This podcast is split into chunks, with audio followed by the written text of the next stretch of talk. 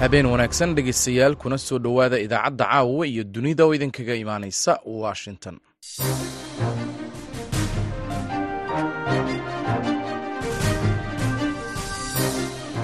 waa fiidnimo axad ah bisha februari waa siddeed iyo toban sannadka labada kun iyo afar iyo labaatanka. Waxaad naga dhegaysanaysaan muwjadaha gaagaaban ee lix iyo tobanka iyo sagaal iyo tobanka mitirban iyo bogga v o e somaali dtcom saacadda afrikada bari waa toddobadii fiidnimo. Idaacadda caawa iyo dunida waxaa idinla socodsiinaya anigoo ah maxamed bashiir cabdiraxmaan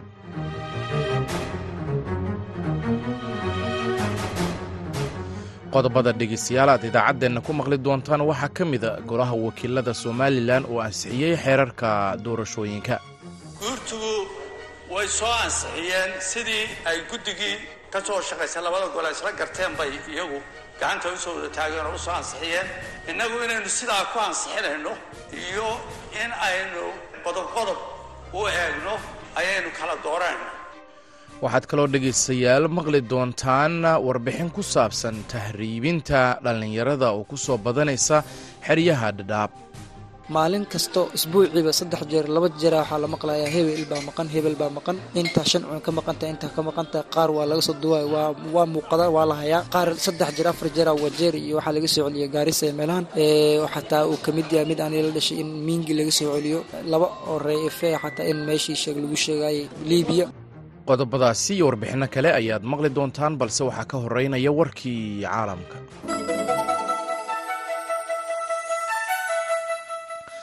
Maraykanka ayaa codka diidmada qayaxan u adeegsan doona qorshaha aljeeriya ee ay u badan tahay in toddobaadkan loo soo gudbiyo golaha ammaanka ee qaramada midoobay kaasi oo ku baaqaya xabajoojin deg deg ah oo lagu joojinayo dagaalka israa'iil ee khaza sida ay sheegtay safiirka maraykanka u fadhisa qaramada midoobay linda thomas greenfield ayaa bayaan ay soo saartay sabtidii ku sheegtay in maraykanku uu ka shaqaynayay muddo bilo ah. Sidii xal waara loogu heli lahaa colaadda khaza taasi oo keeni doonta degenaansho deg deg ah oo joogto ah oo ka hirgasha khaza ugu yaraan lix toddobaad kuwaasi oo ay sheegtay in lagu dhisi karo nabad waarta waxa ay sheegtay in qorshaha uu maraykanku kala shaqaynayay israa'iil masar iyo dalal kale uu ka dhigan yahay fursadda ugu wanaagsan ee dib loogu soo dayn karo dhammaan la haystayaasha islamarkaasina hakad dheer gelin kara dagaalka khaza taasi oo u ogolaanaysa cunto badan oo nafbadbaadin ah biyo iyo shidaal iyo dawo iyo waxyaabaha kale ee lagu maarmaanka ah in la gaarsiiyo. Dadka rayidka ah ee falastiiniyiinta ah ee sida daran ugu baahan waxay safiirku sheegtay in qorshaha aljeeriya uusan keeni doonin natiijooyinkaasi lagana yaabo inuuba ka horyimaado thomas greenfield ayaa waxay sheegtay in qorshaha aljeeriya oo golaha horyimaado si waa haddii uu golaha horyimaado si loogu codeeyo uusan meelmar noqon doonin ergeyga gaarka ah ee waa ergada gaarka ah ee dalalka iyo ururada duuliga ah u qaabilsan afghanistan ayaa shirkii labaad oo ay qaramada midoobay qabato. Wax ka yar muddo sanad ah waxay axadda maanta ah ku leeyihiin magaalada dooxa ee dalka qatar iyadoo aan la ogeyn in mas'uuliyiinta taalibaan ay ku biiri doonaan shirkan ay albaabadu u laaban yihiin. Kulankan oo socon doona muddo laba maalmood ah oo uu martigeliyey xogayaha guud ee qaramada midoobay antonio guteres ayaa qorshuhu yahay in looga wada hadlo kordhinta xiriirka afghanistan iyo sidii si isku mid ah loola macaamili lahaa dalkan ku yaalla bartamaha eshiya wixii ka dambeeyey markii taalibaan ay dib ula wareegtay talada dalka afghanistan sannadkii labadii kun iyo koob iyo labaatankii beesha caalamka ayaa la tacaalaysay qaabka ay ula macaamilayso madaxda cusub ee dalkaasi maamulkiisa la wareegay.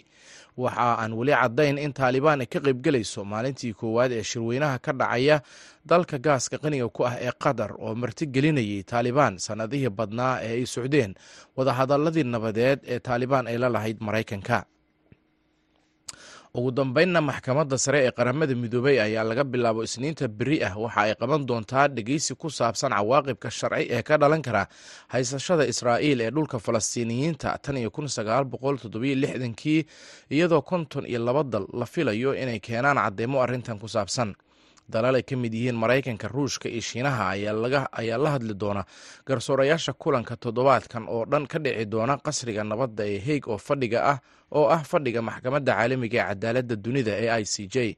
Bishii disembar ee labadii kun iyo labaatankii ayaa golaha guud ee qaramada midoobay.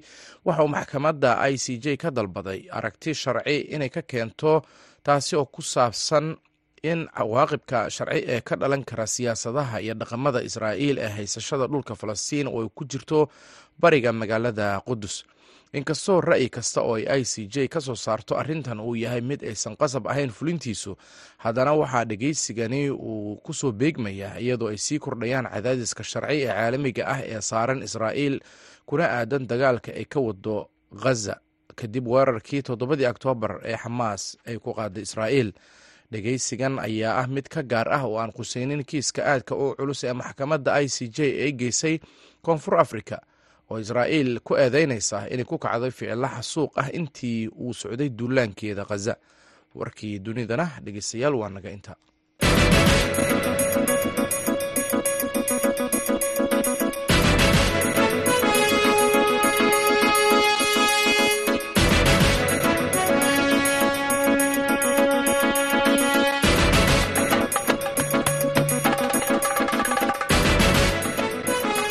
halka dhegeystayaal wararkaasi aad kala socotaan waa laanta afka soomaaliga ee v o a oo si toosa idinkaga imaaneysa washington. Aynu ku horeynay ra'iisul wasaaraha israa'iil benjamin netanyahu ayaa sabtidii sheegay inaanay jirin sabab loo sii wado wadaxaajoodka xabadda lagu joojinayo ee khaza isagoo dalbaday in xamaas waa isagoo dalabaadka xamaasna ku tilmaamay mala awaal islamarkaasina intaas sii raaciyey in heshiis diblomaasiyadeed oo keliya lagu gaari karo wadaxaajoodyo toos ah oo aanay xujooyin hor olin warbixin ee runtan v o a ka qortay waxaa noo haya cabdixakiin maxamuud shirwac isagoo warfidyeenada la hadlaya ayaa netanyahu sheegay in magaalada qaahira uu u diray xubna uga qayb gala wadaxaajoodkii ee xabad joojinta sida uu codsaday madaxweynaha maraykanka jo baiden wala uu ku tilmaamay wadaxaajoodkaasi kuwa aan meelna u socon xamaas ayaa iyaguna war ay soo saareen sabtidii ku sheegay in hogaamiyahooda ismaaciil haniya uu israa'iil ku canaantay horumar la'aan ka gungaadhista heshiiska lagu joojinaya xabadda ka socota khaza waxaana uu sheegay ismaaciil haniya in xamaas aanay aqbali doonin wax kasta oo ka hooseeya heshiis mug leh oo lagu soo afjarayo qulqulatooyinka. Israa'iil inay ka baxda kasa iyo weliba in laga dulqaado qabsashada isagoo intaasina sii raaciyey sida oo kalena in la sii daayo maxaabiista falastiiniyiinta ee xukunada xabsiyada dhaadheer ugu jira jeelasha israa'iil. Ra'iisul wasaaraha qatar sheekh maxamed bin cabdiraxmaan athani ayaa isaguna dareen ka muujiyey horumar laga gaaro wadaxaajoodka sheekh maxamed oo sidoo kale ah wasiirka arrimaha dibadda ayaa sheegay in labada qodob ee ugu muhiimsana yihiin xaaladda bini'aadamnimo ee qasa iyo weliba tirada falastiiniyiinta ee la soo dayn doono iyada oo lagu bedelanayo dadka ay haystaan xamaas wadaxaajoodii ay ka qayb ahaayeen mas'uuliyiin ka kala socday qatar israa'iil masar iyo weliba maraykanka ayaa ilaa iyo hadda aan laga gaadhin wax heshiis ah oo dagaalkaasi lagu hakinayo. Militariga israa'iil ayaa iyaguna sheegay in ciidamadooda ay soo xidheen in ka badan boqol qof oo looga shakiyey falal argagixiso intii ay ku guda jireen howlgal ay ka sameeyeen cusbitaalka nasar oo ku yaalla khan yunis kaasoo ah cusbitaalka ugu weyn ee ka shaqaynaya khasaa ciidamada difaaca israa'iil ayaa sheegay in ay halkaasi ay ka heleen. Hub iyo daawooyin ay la socdaan magacyada dadka la haystayaasha ah reer israa'iil. Iyagoo intaasina sii raaciyay in ay rag hubaysan ay ku dileen sidoo kale agagaarka cusbitaalka sidoo kale waxay intaasi ku sii dareen in ciidamadoodu ay galeen cusbitaalka kadib markii ay heleen. Waxa ay ku sheegeen xog sirdoon oo lagu kalsoon yahay oo sheegaysa in dadka la haysto ee lagu qabsaday weerarkii bishii oktoobar toddobadeedii halkaasi lagu hayo islamarkaana meydka qaar ka mid ah ay weli ku sii jiraan goobtaasi caafimaad geesta kale ciidamada israa'iil ayaa waxay dafireen eeda ah in ciidamadoodu ay beegsadeen mashiinada cusbitaalka islamarkaana ay dadaal u galeen in cusbitaalka ay ka hor istaagaan inuu koronto haysto. Taarikh jasrevig oo afayeen u hadlay hay'adda caafimaadka adduunka ayaa cambaareeyey howlgalka israa'iil ee jimcihii isagoo sheegay in dadkii bukaanka ahaa howlwadeenadii caafimaadka iyo weliba dadka rayidka ah ee cusbitaalka gabaadka ka raadinaya ay mudan yihiin badbaado islamarkaana aan lagu xabaalin meelaha ay tahay in wax lagu dabiibo dhakhaatiirta aan xuduudda lahayn ayaa iyaguna sidoo kale sheegay in howlwadeenadooda caafimaadka lagu qasbay inay ka cararaan halkaasi islamarkaana ay bukaanada iskaga tagaan iyadoo mid ka mid ah howlwadeennadaasi la la'yahay halka mid kalena ay xidheen ciidamada israa'iil. Duqaymo cusub oo sabtidii ka dhacay bartamaha kasa ayay ku dhinteen in ka badan afartan qof oo ay ku jiraan carruur halka ay ku dhaawacmeen ugu yaraan konton kale sida ay sheegeen wakaaladda wararka e a b warfidiyeenada iyo weliba mas'uuliyiinta cusbitaalku dad lagu qiyaasay hal milyan iyo afar boqol oo kun oo qof oo falastiiniyiina oo ah in ka badan kala badha dadka ku nool qasa ayaa buuxdhaafiyey rafax kuwaasoo badankooda uu soo barakiciyey dagaal ka socda deegaanadooda iyadoo boqolaal kun oo qof oo kalena ay ku jiraan teendhooyin ku yaalla xeryaha. Wasaaradda caafimaadka ee kasa ayaa sheegtay in ku dhowaad sagaal iyo labaatan kun oo qof oo badankoodu ay yihiin haweenyo carruur ay dhinteen. Tan iyo markii israa'iil ay shaacisay dagaalka ka dhanka xamaas kadib weerarkii bishii oktoobar toddobadeedii ay ku qaadeen israa'iil halkaasoo maxaabiis ahaan ay u kaxaysteen ilaa iyo laba boqol iyo konton qof islamarkaana ay ku dileen kun iyo laba boqol oo qof iyadoo tan iyo markaasina boqol qof oo la haystayaashii ah la sii daayey. Intii lagu guda jiray xabad joojin muddo toddobaad ah oo ahayd bishii noofembar ee aynu soo dhaafnay. Mahadsanid cabdixakiin maxamuud shirwac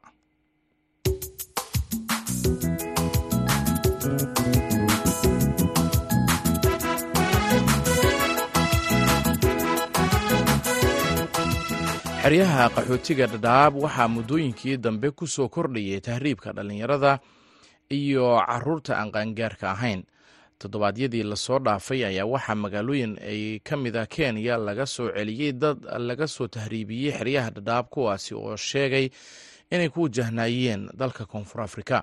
Warbixintan waxaa noo soo diray aadan cabdi cabdulaahi inkastoo aanay jirin xog tirikoob ah oo muujinaysa xaddiga tirada rasmiga ah ee isugu jira dhallinyarada iyo carruurta aan qaan gaarin ee ka tahriibtay guud ahaan xeryaha qaxootiga dhadhaab. Haddana muddooyinkii ugu dambeeyey waxaa qaxootiga aad ugu soo badanayay walaaca waalidiinta iyo hoggaanka xeryuhu ay ka muujinayaan falalka tahriibka la xidhiidha ee ay dhallinyarada ku dhaqaaqeen.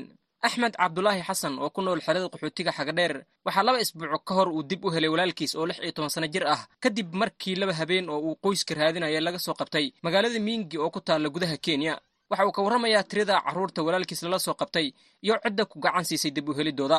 Saamayntan waa saamayn isheeg qaxootiyada hadda aad ugu soo badatay. Maalin kasto isbuuciiba saddex jeer laba jeera waxaa la maqlayaa hebel baa maqan hebel baa maqan. Intaa shan cun ka maqanta intaa ka maqanta qaar waa laga soo duwaay waa muuqada waa la hayaa. Qaar saddex jeer afar jeera wajeer iyo waxaa laga soo celiya gaarisa ee meelahan. Xataa uu ka mid yahay mid aan ila dhashay in miingi laga soo celiyo. Maxaa la dhahaya isheeg kuwo xataa laba oo reefe xataa in meeshii lagu sheegay lagu sheegayay libiya ilaa xataa kuwo wajar laga soo celiyay ilaa sideed cunug hal mar wajar laga soo celiyey kuwo miingi laga soo celiyey kuwo gaarisa korkeeda laga soo marka xog ahaan la isku daro ani ahaantay intaa xaqiijin karo waa labaatan. Markii ka soo wareegtay laba habeen markii ka soo wareegtay anigana aan daba taagan aan raadinayno meel kasto aan sameynay in ishek track lagu sameeyo. Baan waxaa lagu soo ogaaday in uu miingi uu sii maraayey xataa xogtiis intaas ka hor markii ugu dambeysana waa helnay. Abubakar sheekh xuseen oo ah guddoomiye ku-xigeenka xerada qaxootiga xagadheer ayaa sheegay in xeryaha aanay horay u soo marin. Carruur tahriibaya balse muddooyinkii dambe ay arrintan noqotay mid ku soo korortay qaxootiga wuxuuna intaasi ku daray in walaac badan iyo culays weyn ay arrinkan ku beertay waalidiinta iyo hoggaanka xeryaha. Walaal waa jirtaa arrimahaas waa arrimo cusub oo nagu soo kordhay. Kaamkan kama jiri jirin ama kaamamka dhanba kama jirin. Caruur tahriibayso ama in intii maskaxda laga xado wadamo kale iyo meelo halis a loo qaado ma jiri jirin. Laakiin yow bilahan dambe broblem aad u weyn baa ku soo kordhay. Hadda intaasoo carruur hadda aan kula hadlaya way maqan yihiin madax furashaa loo haaso waddamada magafaha iyo meelaha dadka lagu qabsaday ay galeen. Marka balaayo wax u sheegtay iyo ma aragta ay iska raacaan ma waynayaan. Marniba arrintaa caqabad fara badan iyo walaac fara badan bay ku haysaa dadka kaamka ku nool kaamamka waalidiinta khaasatan dadku waa dad danyara abubakar waxa uu mar kale sheegay in tahriibka dhallinyarada iyo carruurta kaamamka qaxootiga dhadhaab uu hadda ku socda si xawli ah. Tiri badan oo carruurta qaxootiga ka mid ahna ay gacanta u galeen kooxa dul dhigay lacaga madax furasho ah sida uu hadalkiisa u dhigay cunugii intuu inta ka cararo oo meelahan maskaxda iyo balaaya lagu shubo lala tago baa markii la geeyo libiya iyo wadamo fogfog baa loo soo diraya. Waxaa laleeyahy cunugaad halkaasuu jooga dhowr iyo toban kun shan iyo toban kun oo dollar keen. Waalidkii markaa unu waasho ama maskaxda dhiig ku dhufto ama bataanida ka dhaco waa aad bay arrintaas halis loogu jiraa waana arrima nagu soo kordhay waana arrin taagan oo waa hadda xawli bay ku socotaa. Qaar baa suudaan lagu hayo oo dhaxaan laga soo qabtay. Qaar baa hadda meelaha nairobi iyo meelahan lagu hayo. Qaar baa liibiyada lagu haaso oo khatar ku jiro. Kuwa kale ayagoo qalqaalashan iyo balaaya waa la qabtay. Wax macnaha laga sheekeen karo laba iyo saddex iyo ma aha waa tirooyin waaye waa xaddhaaf. Marka arrimahaas aad baan uga walacsannahay walaalow. Cumar xuseen yarow oo ka mid ah odayaasha iyo waxgaradka xerada xagadheer ayaa v o eeda u sheegay in kol hore xeryuhu ay ka bilowdeen carruurta sida iskood ah uu tahriibayo balse hadda ay soo korortay xaalad cusub oo carruurtii laga dhaadhicinaya in nolol wanaagsan loo abuuri doona. Cumar waxa uu intaasi ku daray in carruurta qaarkood oo laga watay xeryaha ilaa iyo haatan aanan la garanaynin meel ay ku dhibceen sida uu sheegay. Waa laba fays fayska hore waxaa jirtay waa dhexnaanaa carruur kuuskuusyo ah oo ayaga si iskood ah dad baa hala kaalmaysto haddee dad baa kaxaynayay oo waday. Laakiin dad hadda kuuskuusan oo caqligooda xoogaa uu joogo dadkaasoo laga qaadaya xaryaha in badanna ay waalidiinta dhib ku qabeen oo laisla dhexmariyo waalidiintan aad ay u cabaadayeen. Dabadeed marka la qaadana nin walbo lacag waxaa laga doonaya lacagtii canugaas meel lagu mari laha ama lacag baa laga rabaa canugaada haddii aanan la helin canugaada waa waqtiga ugu dambaysay xanuunkaas horta waqtiga horuu jiray. Waxaa hadda soo kordhay oo xanuun ka sii darana kuwa yaryarka ahaa oo haddee caqligaba laga xadayo ayaga in la qaado la aruuriyo la yidhaahdo nolol fiican baa idin samayna meelna isaan ka bedelan baa idin geynayna la yidhaahdo qaarkoodna aanba la haynin meel ay ku dhibceen waalidiinta qaar ee ku sugan xeryaha dhadhaab ayaa markii ay waayeen qaar ka tirsan ubadkooda baadigoobkooda la kaashaday hay'adaha dowladda iyo laamaha ammaanka oo ay siiyeen macluumaadka iyo xogta carruurta ka maqan taas oo ugu dambayntii dhalisay in bartamaha magaalooyin ka mid ah kenya laga soo qabqabta carruur koox aan la aqoonsan ay wateen sida uu mar kale sheegay cumar xuseen oo hadalkiisa intaasi ku daray in waalidiinta qaarkood ciyaalkooda meelo kala duwan lagu haysta lana weydiisay lacaga aanay waalidkooda agoodin inay bixiyaan. Adeer aniga hadda waxaa daris ila ah. Qoys daris ila ah. Canug baa ka baxsaday la waayey canugii waqti marka la joogay in badan raadin baa ayaa la galay. Ilmihii ayaga ahaa dowladda dowladda kenya ayaa nairobi ayagoo dhexdeeda meel lagu hayay ka warheshi waa loo dhacay dowladdii waa kala carareen qaar baa soo bax dowladda ay soo qabatay. Qaarna waa baxsadeen qaarna haddii ma aqaan meel ay sii aadeen. Kuwana ilaa waqtigan lama hayo. Wo waxaa lagu leeyahay waxay ka soo hadleen? Zimbabwe. Qaar waxaa la leeyahay mozambique baa lagu hayaa. Qaar south africa loo sii wadaa meeshaasay joogaan. Waxayba sii maraysaa in la yidhaha toban kun oo dollar keen haddaadankiin canugaada keliyihiisa yaa lala baxaya. Haddaba maxaa keenaya tahriibka carruurta yaryar? Maxayse salka ku haysaa ka bixistooda xeryaha iyo guryaha waalidkood ayaan weydiiyey. Cabdi rooble oo ah shakhsi ka faallooda nabadda iyo arrimaha bulshada kuna sugan xerada qaxootiga xagga dheer. Waxaa keenaya inta badan dad tahriibay oo xagga tagayo video iska soo duubo waddada u qurxinayo iyo qowlaysato ah oo muqallasiin ah oo lacag ku haysta iyo dad ajaanib ahoo gadaal ka taagan oo fanka uga horeeyo muqallaskan wax uu ku bixinayo bixinayo waayo marka koobaadoo cunugan la wadaayo jeebkiisa ma ahan hadhow bay arrinta ku ballaaranayo lelee dadkaada wac rooble ayaa mar kale sheegaya saddex tallaabo oo ay tahay in la qaada si looga hortaga ama hoos looga dhiga baxsashada iyo tahriibka ciyaalka qaxootiga. Waddadii ugu sahlan oo looga hortegi karo. Waxay tahay horta kow waalidiinta iyo weelkii ilmaha ay dhaleen inay saaxiib noqdaan inay wada tashtaan inay cunugu habsocodkiisa meel aadidiisa iyo wuxuu qabta kow laga waraayo midda koowaad waa midda labaad bulshada dadka u dhadhaqaaqa oo ayagana kacaan oo fadhiga hadda ay fadhiyaan ka kaca oo baraarujin weyn xaryaha laga sameeyo. Midda saddexaad dadka amniga u xil saaran oo sida booliiska ama security qeybaheeda kala gedisan oo ayagana action xoog leh qabto oo meel kastoo jackpointi ah ama meel kastoo in la maraaba looga shaki qabo ayagana xooga saaro. Toddoba iyo tobankii juun ee sannadkii tegey v o eda waxaa la hadlay waalidiin ay haysay tiiraanyada ka maqnaashaha qaar ka mid ah ubadkooda oo ay garan waayeen jaan iyo curib meel ay dhigeen. Waalidiintaas waxaa ka mid ahaa deeqa yuusuf xasan oo markaas sidaan v o eda u sheegtay. Waxaa iga maqan wiil waxaan raadinaynay oon daba taagnayn oo naga maqan yahay labaatan iyo laba casho. Intaasna wax hadala oon hadda aan ka hayno ma lahan meel uu ku sugan yahay ma naqaano. Meel aan u raadinana ma naqaano. Wallaahi walwal aad u badanaan dareemaa. Habeenna ma hurudno maalin ma herkalno maalin walba soco maxaa la soo sheegay? Taleefon hadduu xag alla ka soo dhaca waan isku naxan waxaa isleedaha maxaa maqli doontaa? Maxaa laguu soo sheegi doonaa? Maxaa kuu yeeri doono? Ma nololaad ku maqli doontaa? Ma keeriyaad ku maqli doontaa?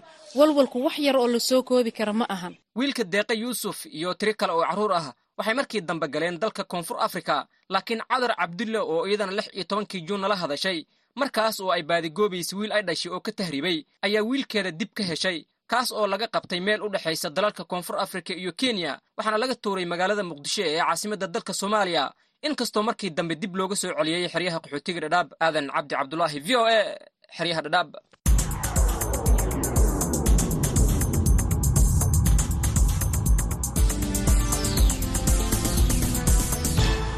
laanta afka soomaaliga ee v o a ayaad dhegeystayaal nagala socotaan mar kale fiidnimo wanaagsan. Fadhigii golaha wakiilada somalilan ee maanta ayay mudanayaasha cod aqlabiyad leh ku ansixiyeen xeerarka doorashooyinka ee somalilan iyadoo qaar ka mid ururada siyaasadda iyo siyaasiyiin kaleba ay ka soo horjeesteen. Maalintii shalay madaxweyne ku-xigeenka somalilan cabdiraxmaan cabdulaahi saylici ayaa walaac ka muujiyey xeerkan. Warbixintan waxaa hargeysa ka soo diray khadar maxamed cakulle fadhiga maanta ee golaha wakiilada somalilan ay yeesheen oo uu guddoominaya guddoomiyaha golaha wakiilada yaasiin xaaji maxamuud xiir faratoon ayaa mudanayaasha waxaa looguna qaybiyey xeerarka doorashooyinka ee shalay ay soo ansixiyeen golaha guurtida ee somalilan.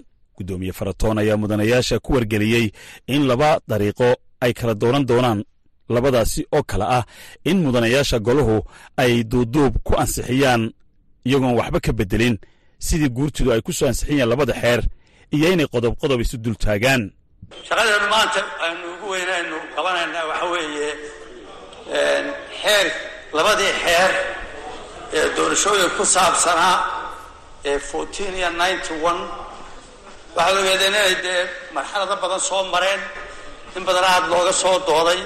Shalayta waa ogeedeenoo waxaa soo ansixiyey labadaa xeer golaha guurtiga iyadoo ay ku salaysnayd ansixintoodaasi wadahadallo iyo heshiisyo ay galeen laba guddiyo oo golayaasha ka tirsan oo wixii ay isla soo afkarteen sidaa daraaddeed innaguna maanta waxayna hor yaallaa labadaa xeer.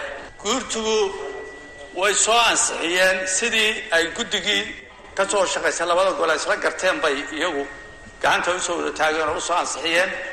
Innagu inaynu sidaa ku ansixinayno iyo in aynu qodob qodob u eegno ayaynu kala dooranayna hor intaan codka gacantaagga ee mudanayaasha golaha wakiilada loo qaadin waxaa sharaxaad mudanayaasha golaha ka siiyey xildhibaan maxamed xasan siciid oo ka tirsan golaha wakiilada.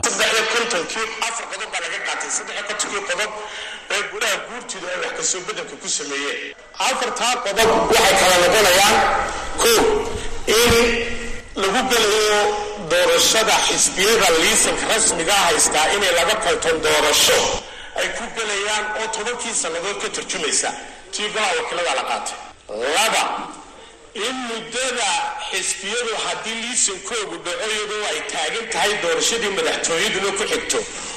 Oo doorashada madaxtooyada deetana dib loo dhigo in muddada liisanka xisbiyaduna muddo kordhinta ay guurtidu sameeyeen ay la kordhayso taana waxaa la qaatay tii golaha wakiilada. Qodobkii twenty bersankii oo ku salaysnaa qodobka sagaalaad oo aan isku qarcinay dastuurka waxaa la ysla qaatay tii golaha wakiilada. Qodob taas markaa baytalqasiidka ninety one waa halkaa waxay noqotay xeer number fourteen xeer number fourteen qodobo badan oo technical ahaa waxaan uga tagnay guurtida qodobada badankoogii qodobada ugu muhiimsan ee halkan la ysla qaatay waxaa ka mid ahaa waxay yeelin lahaayeen innaga soo jeedinteennii xogeyo fulineed oo guddidaasi ay qaadato. Waxaa la ysla qaatay in agaasimo guudun ay yeelasho sida commissionka. Waa kow nidaamka xilka qaadista maadaama guddi garsoor ay yihiin guddida diiwaangelinta ururada waxaa la ysla qaatay in xilka qaadistoodu ay la mid noqoto ta doorashooyinka qaranka. Gudoomiyaha golaha wakiilada yaasiin xaaji maxamuud xiir faratoon ayaa maxamed xasan siciid sharaxaadiisa kadib waxa uu mudanayaasha codgeliyey gacantaaga inta ogol sidii golaha guurtidu ay ku soo gudbiyeen labada xeer in duuduub lagu ansixiyo. Haddaan idiin sheego natiijadu waxa weeye waxay sidii guurtidu ay ku soo codaysay waxa u codeeyey siddeed iyo konton laba iyo tobanna qodob qodob in loogu codeeya ayay u codeeyeen. Aniguna ma codayn shaasi ayaana labadaasi xeer ee doorashooyinku ay golaha wakiilada kaga gudbeen maanta iyadoo loo gudbin doono madaxweynaha somalilan muuse biixi cabdi si waajibkiisa dastuuriga uga guto. Marka laga yimaado ansixinta golaha wakiilada somalilan ay cod aqlabiyada maanta ku meelmariyeen labada xeer doorasho ee xeerka guud ee doorashooyinka somalilan xeer lambar koob iyo sagaashan iyo xeerka nidaamka ururada iyo asxaabta somalilan xeer lambar afar iyo toban. Geesta kale waxaa jira dhinacyo aan ku qanacsanayn madaxweyne ku-xigeenka somalilan cabdiraxmaan cabdilaahi ismaaciil saylici ayaa golaha wakiiladu xeerkan ay ansixiyeen ka hor waxa uu la hadlay warbaahinta isagoo farriina u diray golaha wakiilada isagoo ku baaqay wadatashi in laga yeesho. Ka hor intaanay golaha wakiiladu ansixinin xeerkaasi maanta hadduu lagu midiroorteeyey golaya guurtida oo xoog lagu dhaafiyey iyada oo in gaara loogu adeegayo waxaa leeyahay xeerkaasi mar labaad yuunu qaranka jar ka tuurin. Soomaalida waxay tahdaa hashu laaca maarata laantii aragtay soomaalida tahdaa ragga doorasho doonka ah ee haddana xeerkaa midiroortaynayahay waxaan is leeyahay wax badan baa ka khaldan. Waxaan leeyahay ciyaanta reer somaliland golayaasha qaranka. Hawshaasi waxay kala kaxaynaysaa qaranka reer somaliland bay kala kaxaynaysaa. Sidaa darteed waxaan leeyahay reer somaliland waxaa leeyahay maanta gurmad qaranka loo sameeyo qaar ka mid a ururada siyaasadda somalilan ayaa ku dooday in doorashooyin aan loo dhammayn ama aan la wada ogolayni aanay ka dhacayn somalilan waa kan cabdilaahi xuseen iimaan darawal oo ah guddoomiyaha urur siyaasadeedka horseed isaga iyo ururo kale waxa ay sheegeen in ay muhiim tahay. In talada dhulka la dhigo. Waxaa la leeyahay ilaa tobantii tuugii waxaa lagu jiray broses doorasho ururaa oo raggan maanta xisbiyada sheeganaya ay ahaayeen sidii ay iyagu ku noqdeen waxa xisbiya ku noqdeen. Maalintii doorashada deegaanka loo diyaargaroobay doorashada ururada ayaa waxaa la sameeyey oo odayaal la soo dhaqdhaqaajay waxaan u sheegaynaa horta ururada wixii ila mawqifaya aniguba. Doorasho aanaan taladeeda ka qayb gelin ka dhacayn halkan.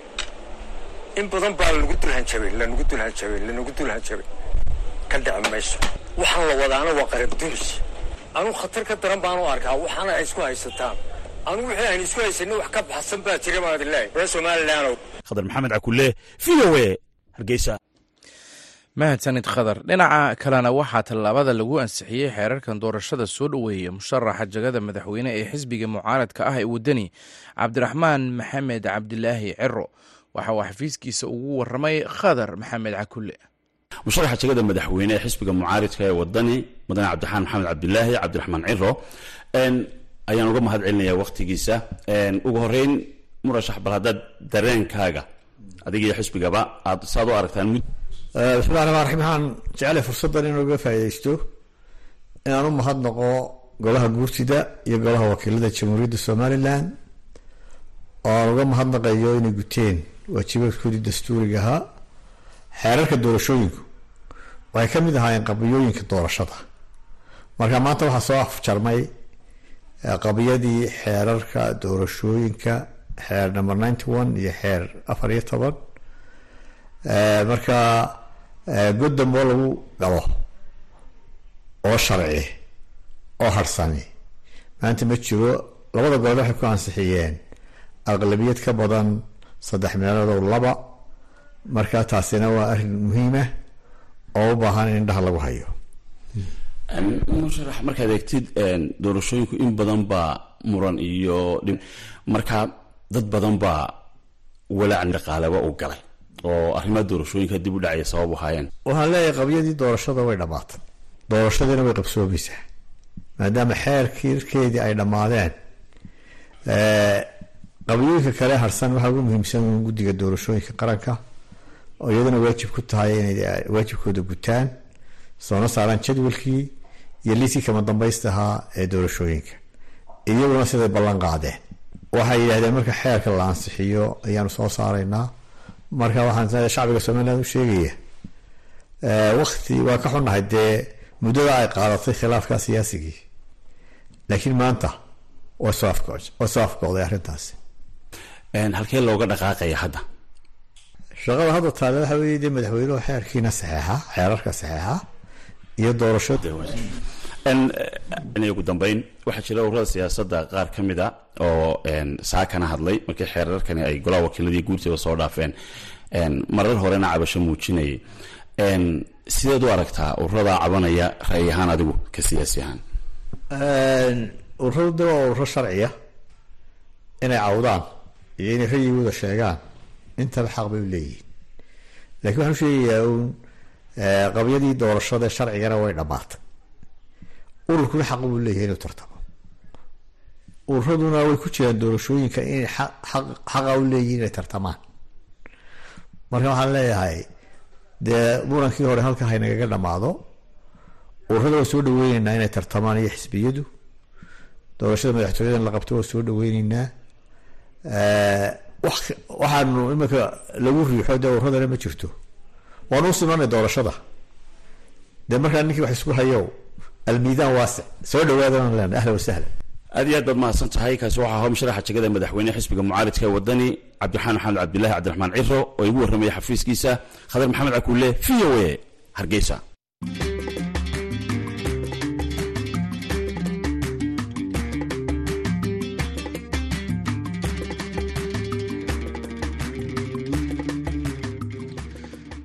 inta aynaan hargeysa ka teginna waxaa magaaladaasi ku soo badanaya adeegsiga mootooyinka labalugoodlaha ah ama labada lugood leh kuwaasi oo qabta adeega isku gudbinta alaabaha fudud ee magaalada.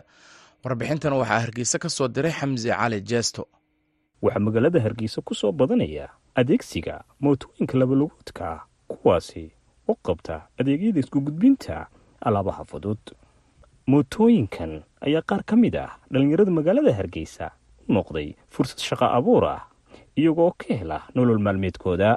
Axmed bile yuusuf wuxuu ka mid yahay darawallada mootooyinka wuxuuna sharaxaya adeegyada ay u qabtaan bulshada. Waxaanu qabanaa shaqooyin badan oo aada u fudud oo aan baabuurtoogan qaban karayn tagaasuna qaban karayn dhilifir fiican ayaan ummadda u qabanaa oo weliba aada u jaban. Oo macnihii halkan ayaalaabna ka saaraa jigjigada kale aan geynaa dee toban kunoo shilin baan ku qaadnaa halkayga anagoo taagan baa naloo yimaada alaabtana la saaraa maxanaa midda kalena aanaloku aaminna waanu nahay. Haddii dahab naloo dhibo dahabka waanu qaadnaa. Meeshii naloo ku saaray meeshii macnihii aan naloo ku geeya ayaanu geynaa. Dee sidaasa bulshada nagu jecel yihiin. Dahab haddii naloo dhibo waanu qaadnaa. Macdan haddii naloo dhibo waanu qaadnaa. Macnihi ma eegno. Lambarkaana nala ku qoran baanu u geynaa un. Meelo aynan baabuurta gaari jirin ayaanu gaadhnaa oo meelo baabuurta aynan mari jirin baad maraysaa waxaa jirta iminka suuqa waaheen oo kale kaa gubtay xaggaa imika la furay meel duqaan geli karaya ma aha dee laakiin annugu meel walba galnaa meel walba marnaa oo meelaha aysan qofka bini'aadankaa mari karayn baanu marnaa. Dee sidaa baahidahaasaan buuxinnay aan qof walba bartiisa wax ugu geynaa. Geesta kale ganacsatada wax ku iibiya suuqyada onlaynka iyo meheradaha ganacsi ayaa isticmaala. Waxaanunu wax ka weydiinay adeegyada ay qabtaan mootooyinkani cabdiqaadir yuusuf maxamuud garaad oo ka mid ah maamulka shirkadda maqbuul online market isagoo oo tilmaamay faa'iidooyinka ay u leeyihiin ganacsiga isticmaalka mootooyinkani. Horta waxa la dhihi karaa faa'iido aada iyo aada u fara badan taasoo wakhtiyan dambe dadku ay si aada u soo fahmayaan waxaa ugu muhiimsan aynu ku sheegi karna waxaa ka mida ko horta waa degdegsiimada dadka intood waxay jecel yihiin haddii shay ay dalbadaan xataa isagoo suug kara inuu deg deg uga helo. Marka mootadu waxaa dhici karta meel afar kilomitr ku jirta in wax ka yar daqiiqada koomarka uu ku gaarhsiiyo halka haddii aad saarto baabuur kale ay dhici karto in jaam in badan muxuu ahaye uu geli karo. Waxyaabaha kale ee runtii faa-iidada leh ee iyadana aan dhihi karno mootooyinka weyley waxaa ka mid a waxaa laftarkeeda jirta meherado fara badan oo inta badan iyagu aan lahayn wax showruuma oo loogu imaado laakiin guryaha ku iibiya. Kuwa laftarkooda dhici karta inta badan inay ka kafargareeyaan deliverigii lacagta badan kaga bixi jirtay iyo waqtigii faraha badnaa muxuu ahaye qofkaa dalabkiisu ka maqnaanayaba lacagtoo kale waxaa la sheegaa in hargeysa qiimo fara badan ay ku kaxdo dadka way isticmaalayaan tagaa sidoo kale. Inta badan macaamilka aad leedahay mootooyinka laakiin guud haddii soo ururino waxaa dhici karta haddii taxi alaab saarto in markay ugu yar tahay ama dee lacag ilaa shan doolar gaadhaysaba ku soo dalaco laakiin mootada waxaa dhici karta haddii magaalada koonaheeda uu geynayo wax ka yar laba doolar inuu kugu geeyo. Magaalada hargeysa ayaa adeegsiga mootooyinkani markii hore uu ahaa mid aada u yar balse sanadadan dambe waxaa kor u kacay isticmaalka mootooyinka oo la sheegay inay sabab u tahay jaamka baabuurta oo soo batay. Xamse cali jeesto v o a hargeysa.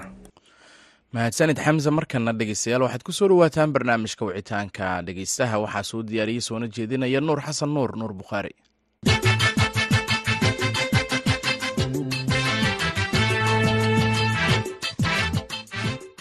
kulanti wanaagsan dhegaystayaal. Baarlamaanka soomaaliya ayaa maalmahan ka doodayay dib u eegista dastuurka kumeelgaarka ah ee soomaaliya oo shaqadiisu ay muddo dheer soo socotay. Haddaba maxay tahay muhiimadda xilligan uu dastuurka u leeyahay in baarlamaanka la horgeeyo? Maxay tahay aragtida xukuumadda federaalka ah ee soomaaliya ee qodobada ay saluugsan yihiin mucaaridka ee ku jira dastuurka? Raje intee la eg ayaase laga qabaa in dastuurkani loo qaado afti dadweyne kadib marka uu baarlamaanka ansixiyo su'aalahaasi iyo kuwo kale oo ku saabsan dastuurka iyo cadaaladda soomaaliya ayaa waxaa nooga jawaabi doona wasiirka wasaaradda cadaaladda iyo arrimaha dastuurka ee dowladda federaalka ah ee soomaaliya xasan macalim maxamuud. Mudan wasiir waa mahadsan tahay ku soo dhowow barnaamijka wicitaanka dhegeystaha ee v o a. Waa mahadsan tahay adeer waa ku dhowahay barnaamijka wicitaanka v o a. Adiga iyo dhegeystayaashana waan salaamayaa waa kaa qaadnay bal marka hore noo faahfaahi ee halka uu hadda marayo wax ka beddelka dastuurka. Marka ugu horeysa wax ka beddelka dastuurka dabcan wax ka beddelku waa natiijada. Geedi socod dheer ayaa dalka ka socday muddo dheer oo dastuurka kumeelgaarka ah dib u eegis ay ku socotay iyo qabyatirid marka dastuurka hadda halka uu marayo waxa uu yaalaa marxaladii baarlamaanka federaalka soomaaliya oo labada aqal ka kooban afarta cutub oo ugu horreysay ayaa la geeyey. Afartaas cutub ayaa baarlamaanku ayuu haystaa uu beriyahan iyo maalmahan ka doodayey. Ayagaas ayuu mataqaanaa dooda kadib soo jeedintii soo jeediyey eegista ayuu mataqaanaa ansixinayaa ama wax ka bedelayaa. Marka hadda wuxuu maraya waa baarlamaanka federaalka soomaaliya. Ayuu yaalaa dastuurkeennii. Wasiir dadka qaar ayaa aaminsan in xukuumadda federaalka soomaaliya ay aada u riixayso ansixinta dastuurka. Marka maxay muhiim ugu tahay in si deg deg ah maaragtay loo dhameeyo arrinta dastuurka? Adeer marka ugu horeyso horta kelmadda deg deg la yidhaahdo meesha maba ku jirto geedi socod dheer ayaa dastuurku soo qaatay oo dhowr iyo toban sano ah laba iyo toban sano laga bilaabo laba kun iyo laba iyo ilaa hadda. Marka dastuurka horta wax deg deg ah geedi socodkiisa kuma jiraan. Haddii laba iyo toban sano uu deg deg yahayna hadde waa waa faham kaleeto oo u baahan in la isla dul istaago. Laakiin waxaa la iska rabaa oo bulshada soomaaliyeed iyo dadweynaha soomaaliyeed iyo muwaadinka soomaaliyeed xukuumad walbaahi u ballan qaadaa waajibna ku ah inay dastuurka inay dhammaystirto. Marka muhiimaddaas ayaa socota waana midda mataqaanaa howlihii ka dhimanaa ama qodobadii ka dhimanaa iyo wadaxaajoodka iyo heshiiska siyaasadeed u baahnaa loo soo gaaray oo golaha wadatashigu u soo sameeyey. Kadibna la soo raacsiiyey geedi socodkii guddiyadii la soo marsiiyey maantana hor yaalla hor yaalla baarlamaanka federaalka soomaaliya. Marka adeer brocesskaasu wax wax deg deg ah ee kama muuqdaan haddii la dhihi karo dib u dhac ayaa ku jira dastuurkeenna in la dhammaystiro oo kumeelgaarnimada laga saaro dib u dhac ayaa ku jira adeer. Waa tahay. Marka inta badan qodobada ku cusub dastuurka waxaa laga soo qaaday heshiisyadii golaha wadatashiga qaran sida kii labada kun sideed iyo tobankii iyo shantii shir ee ka dambeysay. Marka ma jiraan qodobo aanan looga doodin shirarkii madasha wadatashiga oo hadda ku jira dastuurka aanan weli la ansixin. Maya maya adeer kuma jiraan dastuurku horta dib u egistiisu laba qaybood ayuu u qaybiyaa qaybna waa qaybo arrimo farsamo ah oo khubarada samayn karta waxaa la yidhahda comparative studieska ama daraasaadka isbarbardhigidda dasaatiirta caalamiga ah fiirisa. Qaybna waa qaybo siyaasiya oo soomaalida u taalla iyo madaxdeeda iyo siyaasiyiinteeda siyaasiyiinteeda u yaalla. Marka kuwaasna waa kuwa wadaxaajoodka iyo iyo soo maray. Kuwaas waay kuwa la soo jeediyey wax ka beddelkooda dastuurka dib oegis markii lagu sameeyey. Marka waxaan dhihi karaa ma jirto adeer waa garta wasiir xasan wasaaradda iyo waa wasaaraddaada iyo xukuumaddaba ma ka fekereen xilligii ay suurtagal noqon doonto in muwaadiniinta soomaalida ay afti u qaadaan dastuurka maadaama uu muhiim uga yahay aayahooda waddanka ama aayaha waddanka? Sidaas hore oon maaragtay dastuurkeennu ma dhammaystirmi doono rasmina ma noqon doono ilaa afti dadweyne loo sameeyo oo macnaha dadku iyagu ay go'aansadaan oo yidhahdaan dastuurkeenni waa ku qanacnay una codeeyaan cod furan oo xor oo xalaal ah. Sidaa darteed hadda baarlamaankii marka uu maro sanadkan insha allahu tacaala waxa ka dambeeya waxa weeye geedi socod ka dambeeya oo laisu diyaarinaya iyo waajib ka dambeeya waxa weye in dadweynihii loo geeyo dadweynuhuna mataqaana iyaguna saas oo kaleeto sidii baarlamaanka u soo martay iyaguna dadweynihii soomaaliya afta ay ku qaadaan. Dabcan waxay ku xirnaan doontaa dadweynaha soomaaliyeed in la register gareeyo oo la diiwaan geliyo oo diiwaangelintii rasmiga aheed oo doorashooyinka kale la diiwaan geliyo waxay u baahneed oo dhan la sameeyo guddiyadii doorashooyinka oo kaleeto la sameeyo madax banaani loo sameeyo amniga waddanku sugnaado duruufaha oo dhan ay u baahan tahay loo sameeyo. Marka wixii aan yacni wixii ka hor istaagayo dhan ama wixii suurto gelinaya in dastuurku dhammaystirmo dadkuna u codeeyaan oo afti u qaadaan ayaan ayaan samayn doonaa insha allahu tacaala juhdina. Ma reeban doono mana hakran doono. Waa tahay marka puntland waad og tahay oo qeyb kama ahayn shirarkii ugu dambeeyey ee madasha wadatashiga. Marka haddii dastuurkani uu baarlamaanka ansixiyo sidee ayay dowladda ama xukuumadda federaalka u qanci doontaa puntland hadeer dadaalada ma joogsan doonaan mana nasan doono intii dastuurkani uu qayb soomaalida ka mida ay ka maqan tahay. Marka haddana odayaal soomaaliyeed iyo waxgarad ayaa ku maqan iyo siyaasiyiin intaba puntland see qayb uga noqon lahayd waana ku rajo weynahay waana ku rajo weynaha siday ugu soo noqon lahayd siday ugu soo noqon lahayd golihii wadatashiga qaranka ay xubinta ka ahayd waa garta heshiisyada golihii wadatashiga qaran waxaa ka soo baxay in jagada ra'iisul wasaaraha la baabi'iyo sidaasi oo kale waxaa lagu heshiiyey in dalka laba xisbi lagu soo koobo taasoo siyaasiyiinta mucaaridku ay ka soo horjeesteen idinkuna eedeeyeen in dalku sidaasi uu kale talasku gelayo marka maxaad ku doorateen qodobadaasi maxaase kaga jawaabeysaan eedeynta mucaaridka? Horta adeer marka ugu horeysa golaha wadatashigu soo jeedimahaas waa uu sameeyey baarlamaanka ayay yaalaan marka labaad baarlamaanka federaalka soomaaliya oo soomaaliya matala hadda waa soomaaliya matala oo aanan lahayn somalilan iyo puntland iyo south west iyo galmudug iyo aanan kala lahayn. Oon midabo gooniya iyo aanan kala lahayn ayaa baarlamaanka federaalka soomaaliya hor yaallaa asagaas ayaana dastuurku awood u siinayaa tilmaamayaana inuu wax ka bedeli karo ansixina karo. Marka eedda ku saabsan maaragtay wadda xun baa la marayaa meesha kuma taallo waddada hadda aan sheegayo dastuurka hadda kumeel gaarka ah ayaa tilmaamaya. Marka waxaan rabaa waddo ka duwan oo dastuurkeena kumeel gaarka uu tilmaamayo waddo ka duwan haddii aan marno farta waana lagu fiiqi karaa waxaa la dhihi karaa waddadii ka duwaneed waad marteen. Laakiin tii heshiiska lagu ahaa oo la isku ogaa ayaa la marayaa iyadaasuna waa qoran tahay qodobay leedahay oo dadkuna waa wada haystaan dastuurkaas shan iyo tobanka cutuba iyo dhowr boqol iyo soddonkaas maaragtay qodob ah. Marka waxaan is leeyahay dood waxaa uun muhiim ah dood intaas ka macquulsan in lala yimaado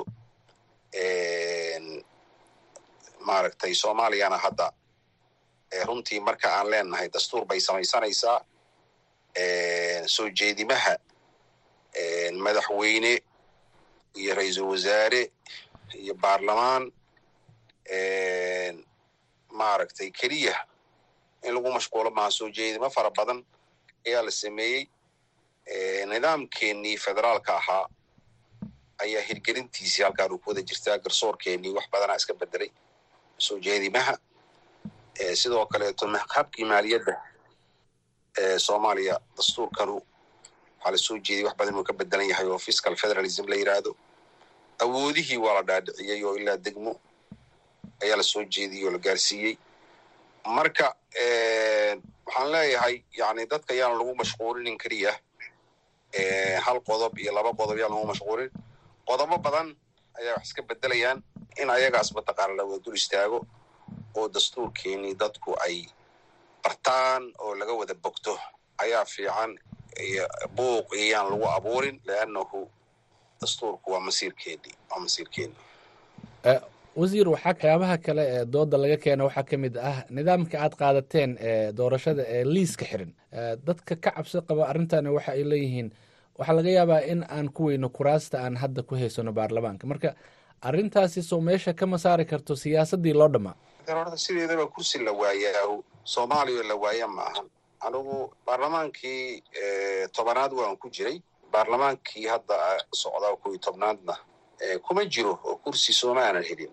Marka ma ahan kursi baan waayey ma ahan in oo soomaaliya kala tegayso kursi haddii la waayo xasan macalinaa weynaya caliyaa weynaya cabdiyaa weynaya laakiin soomaaliya waxanba weynin. Soomaaliya horey u socotaa insha allahu tacaala. Waa mahadsan tahay wasiir khadka igu jir dhegeystayaal. Weli waxaad nagala socotaan laanta af soomaaliga ee v o a. Waxaanan ku guda jirnaa barnaamijka wicitaanka dhegeystaha oo uu marti inoogu yahay wasiirka cadaaladda iyo arrimaha dastuurka ee soomaaliya dhanka cadaaladda haddii aan aadno wasiir bal nooga warbixi heerka cadaaladda iyo garsoorka dalka ee xilligan runtii heerka cadaaladda iyo garsoorka soomaaliya horta way soo kabanaysaa. Dowlad dal iyo dowlad burbur ka soo kabanaya. Waaye institutionskeedii ama hay'adaheedii oo dhan way wada burbureen. Marka hadda kabashadaas ayaa lagu socdaa. Wax badan ayaa qabya naga ah. Dabcan maaragtay annaga wax kasta waxay ka bilowdaan shuruuc. Shuruucdii soomaaliya waxay u baahan tahay sida dastuurka oo kaleeto. Hadda dib eegista ugu socoto shuruucdeenii duugowday oo baaliyowday oon waktiga la socon karin in dib u eegis lagu sameeyo si ay waktiga ula jaan qaado habka legal systemkeena qaabkeena yani adduunyada waa horu martay oo waa digitalized. Soomaaliya intii adduunyada ka maqnayd adduunyada waa tagtay iyadaasna waxaan rabnaa inaan aan la qabsano qorshayaalna waan ka leenahay. Nidaamkeena cadaaladdu maalin walba waa sii korayaahoo dowladdu waxay sii gaaraysaa markii maanta laga fogaaday muqdisho laga fogaaday ee deegaanada cusub la xoreeyey. Deegaan walba iyo degmo walba in la geeyo maxkamad in la geeyo mataqaanaa xabsi in la geeyo saldhig boliis ayaan ka shaqaynaa waxaa la yidhaahdo xoraynta iyo xasilinta ay wada socda marka guud ahaan waan soo kabanaynaa kalsoonina dadweyneheenii way ku soo qaadayaan awooddii dowladdu markay faaftaba amni ahaan u faafto oo dhul badan ay gaarto dadweyne fara badan ah yacni waxay u soo jeesanayaan garsoorkii inay soomaaliya inay u soo jeestaan oo dowladda awal de waad ogtihiinoo intaana dowladdaanu dhalanin maaragtay meel kasta maxkamad beenaad ay ku lahaayeen cadowgu dowladdu intay maqneed waa ogtaho qolo walba oo sharci u gooniya iska samaysto isaga dhaqmi jirtay marka runtii marna waa culays iyo waajibaad culus oo dowladda koray marna waa fursado dowladnimadu ku kori karto oo soo laabatay waa hagaag weli barnaamijkeennii ayaan ku guda jirnaa. Haatan aan aadno dowrkii dhegeystayaasha dhegeystaha ugu horreeya ayaan jeclahay inaan soo dhoweeyo walaal ku bilow magacaaga iyo halka aad joogtid. Magacaygu waa muumin xasan siyaad oo jooga south africa. Xasan macalin wasiirka martida waa salaameyaa manuur bukhaari adiguna waa ku salaamay. Laba su'aal oo ka kooban baan qabaa. Mudane wasiir su'aasha koowaad waxay odhanaysaa dastuurka maalmahan aan lagu mashquulsana oo dowladda ku mashquulsaneeday saan ognahaba siyaasiyiinta uma dhamo culeys intee la ayay ku keeni kartaa baarlamaanku inay meel mariyaan? Su'aasha labaad mudane wasiir dhacdooyin waaweyn baa ka dhacay dalka oo ay ugu horeeyaan qoysas isgubay dad si arxan daraan isku dilay oo ilaa haddana wax cadaaladda la keeno ma aragno. Dadkaas cadaalad ma heli doonaan? Adigasa si saahi ku taabanaysaa dadkaas ina maarad waa mahadsantihin adeer horta marka ugu horeysa midda haddaan ka jawaabo siyaasiyiinta uma dhamma ku saabsan qaybna waan ka jawaabay. Qaybta kalena waxaan ku leeyahay horta siyaasigu waa muwaadin. Markay noqoto dastuurka markay noqoto muwaadiniinta soomaaliyeed dhowrka milyana dhowr iyo tobanka milyana horta waa u siman yihiin. Wax oo gooniya oo siyaasiga siinayo siyaasi waxa weeye ninka yani dabcan dee siyaasadda ka shaqeeya u lama arko waxa uu wax siinaya waa la yaqaana waa hay'adahaas dawligahe dhisan iyo ama ha ahaadeen dowlad goboleed ha ahaadaan ama dowladda federaalka ha ahaadaan ama guddiyada ha ahaadaan ama baarlamaanka federaalka soomaaliya ha ahaado labadiisa aqal ayaa iskale. Marka adeer siyaasigu wax gooni ah oo uu ku leeyahay oo muwaadinkaas uga duwan yahay ma qorna mana jiraan. Hadduu intaa ka wax ka badan dalbadaahuna hadde waa qof waxaanan jirin dalbaday siday kuu saamaysaa su'aasha ah marka ugu horeysa horta bini aadan aan ahay dadka wax la yeeleeyey gabadha soomaaliyeed ee la gubay ama dadkan la sheegaya maalin walbeeto yani musiibadu ka dul dhacayso. Qof bini aadan ahaan ahay muslim baan ahay mas'uul soomaaliyeed baan ahay aad iyo aad bay ii xanuujinaysaa. Runtii arrintaasuna nasiib wanaag waxay ku soo beegantay xilli ay dowladda soomaaliyeed ilaahay idankiis awood ay u leedahay inay dadkii falalkaas geysta ay mataqaanaa maxkamadda iyo cadaaladda horkeeni karto. Gacan dowlad dheer waa tii la dhihi jiray.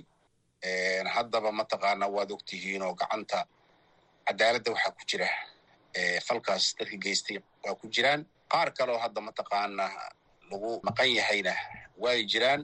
Marka aniguna dareenkaygu dee waa dareen qof bini aadanah oo mas'uul soomaaliyeed ah gabdha gabadha soomaaliyeed iyo qof kastoo muwaadin oo soomaaliya baan la damqanayaa dembiilayaasha iyo dadka yacni dembigaa geystana. Cadaaladda in la horgeeyo ayaan ka shaqaynaynaa insha allahu tacaala. Wasiir annagoo ku guda jirna qeybaha cadaaladda maxaa wasaaradda uga qabsoomay horumarinta qeybaha asluubta dembi baarista iyo maxkamadaha madaniga iyo kuwa militarigaba waxyaaba waxaa jira haddaan ka shekeynayay asluubta markii la yidhahdo waa xabsiyada iyo dhaqan celinta. Markii ugu horreysay waxaan kuu sheegi karaa xabsiyadu maga yani magaalada muqdisho waa buux dhaafeen waa buux dhaafeen oo waxa keeni karana waxa waaye yani dowladdii gacanteedii oo dheeraatay saada ka sheekeynin way buux dhaafeen oo saldhigyadii ayaa hadda ayaa haya dadka qaarkiis haya. Marka waa culays nagu soo kordhay waaye. Waana midaan ku dhahaya marna waa waxay ku tusinaysaa awoodda dowladda kordhaysa kobcaysa. Marna waxay ku tusinaysaa challengiga iyo culaysyada ay la imaanayso. Hadda waxaan ku tala jirnaa marka xabsiyo waaweyn oo standard caalamiya leh. Inaan inaan inaan dhisno. Dembiyada laftigoodu intooda badan maxaabiistaasu waxa waxay la xiriiraan argagixiso. Argagixisay la xiriiraan. Marka oo dembiyada caadiga ahaa maahan leannahu waad ogtihiin oo soomaaliya adduunyada kale waxay uga duwan tahay. Dembiga weyn oo socda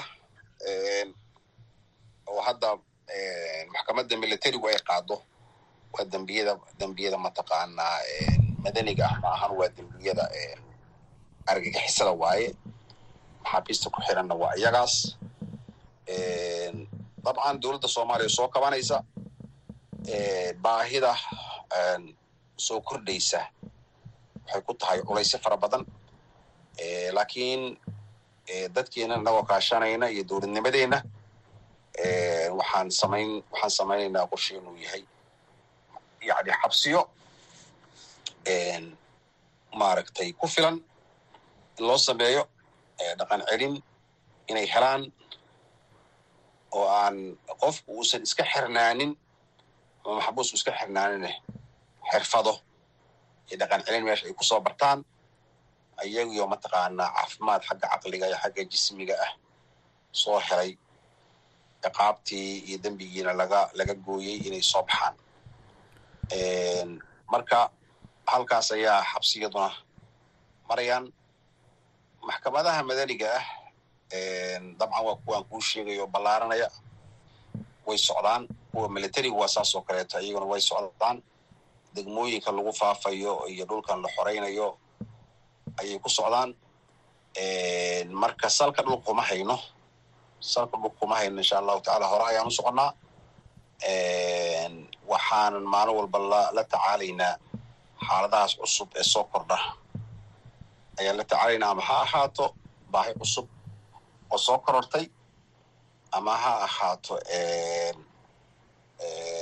yani awood cusub oo dowladnimada u soo korortay oo aan ka faa'iidaysano waayahay marka ugu dambeyntii dhanka xabsiga dhibaatooyinka jira waxaa wariyaasheena noo soo sheegeen in carruurta qaar ama kuwa dhalinyarada yaryar ama carruurta qaar ee lagu xira xabsiyada in ay ku dhiban yihiin halkaasi. Marka arintaasi maxaa uga qorshaysan wasaaradda inay ka qabato? Ha midaan kuu sheegaya waayo oo culaysyo ayaa ayaa jira. Oo ay ka mid tahay waa markii ugu horreysay dee xabsigu uu buux dhaafo oo waxaana keenay waana ka sheekayno dowladdii soomaaliyeed guulaha ay gaarayso iyo dhulka cusub ee gacanteeda ku soo dhacaya. Ayaa waxay keenaysaa in xabsiyadii ay buux dhaafaan xabsiyadaas buux dhaafayaho marka qaarkood waxay keenaan in aanan maaragtay sidii la rabay aysan xaaladdu ahayn waana wax hadda qorshayaasha cusub aan ka hadlayey aan ugu talagalnay xabsiyo cusub oo la dhiso casri ah oo standard caalamiya leh oo dadkuna ay mataqaanaa qof walba dembi walba uu kala saaran yahay uusan aysan mataqaanaa qolo qolo kale ku milan aysan jirin oo dadku kala saaran yihiin. Marka baahiyahaas soo baxay jawaabtoodina waa waan waan ku fal jirnaa insha allahu tacaala. Aad iyo aad ayuu u mahadsan yahay kaasi wuxuu ahaa wasiirka wasaaradda cadaaladda iyo arrimaha dastuurka ee dowladda federaalka ah ee soomaaliya xasan macalin maxamuud oo marti igu ahaa barnaamijka wicitaanka dhegaystaha ee toddobaadka. Waxaan jeclahay inaan u mahad celiyo sidoo kale dhegaystayaashii nagala qayb galay tan iyo toddobaadka dambe waxaan idinku dhaafayaa sidaa iyo nabadgelyo.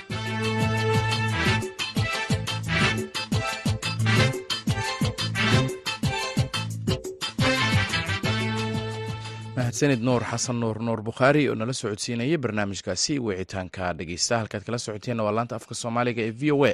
Markana dhegeystayaal waxaad ku soo dhawaataan heestan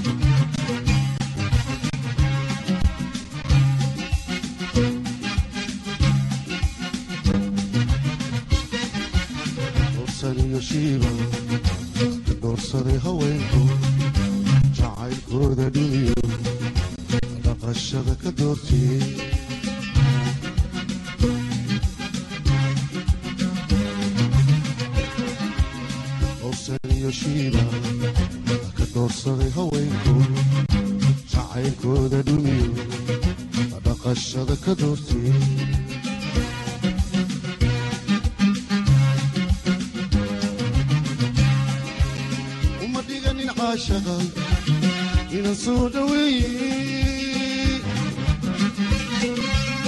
uma dhiganin caashaqa inan soo dhaweeye xayaadi hadhibaadsada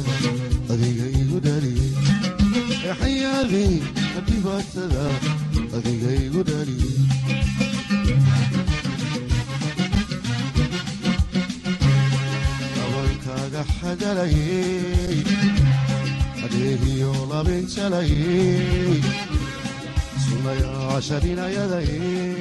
codkaasi xasan aadan samater wuxuu gebagabo u ahaa idaacaddii caawa iyo dunida oo idinkaga imaanaysa laanta afka soomaaliga ee v o a. Tan iyo kulanti dambe waxaan idin leenahay nabadgelyo. Sidaadhayda caanaha ilkahaaga dhulka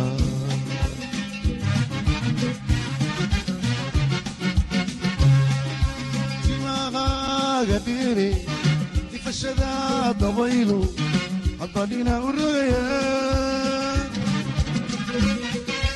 dhameerka hawdiyo haddaa tahay unguri dhugo hawdiyo dhameerka hawdiyo haddaa tahay unguri dhugo adhundaangumarida dhundaangumarida dhundaangumarida kumarila dhuntaan kumarila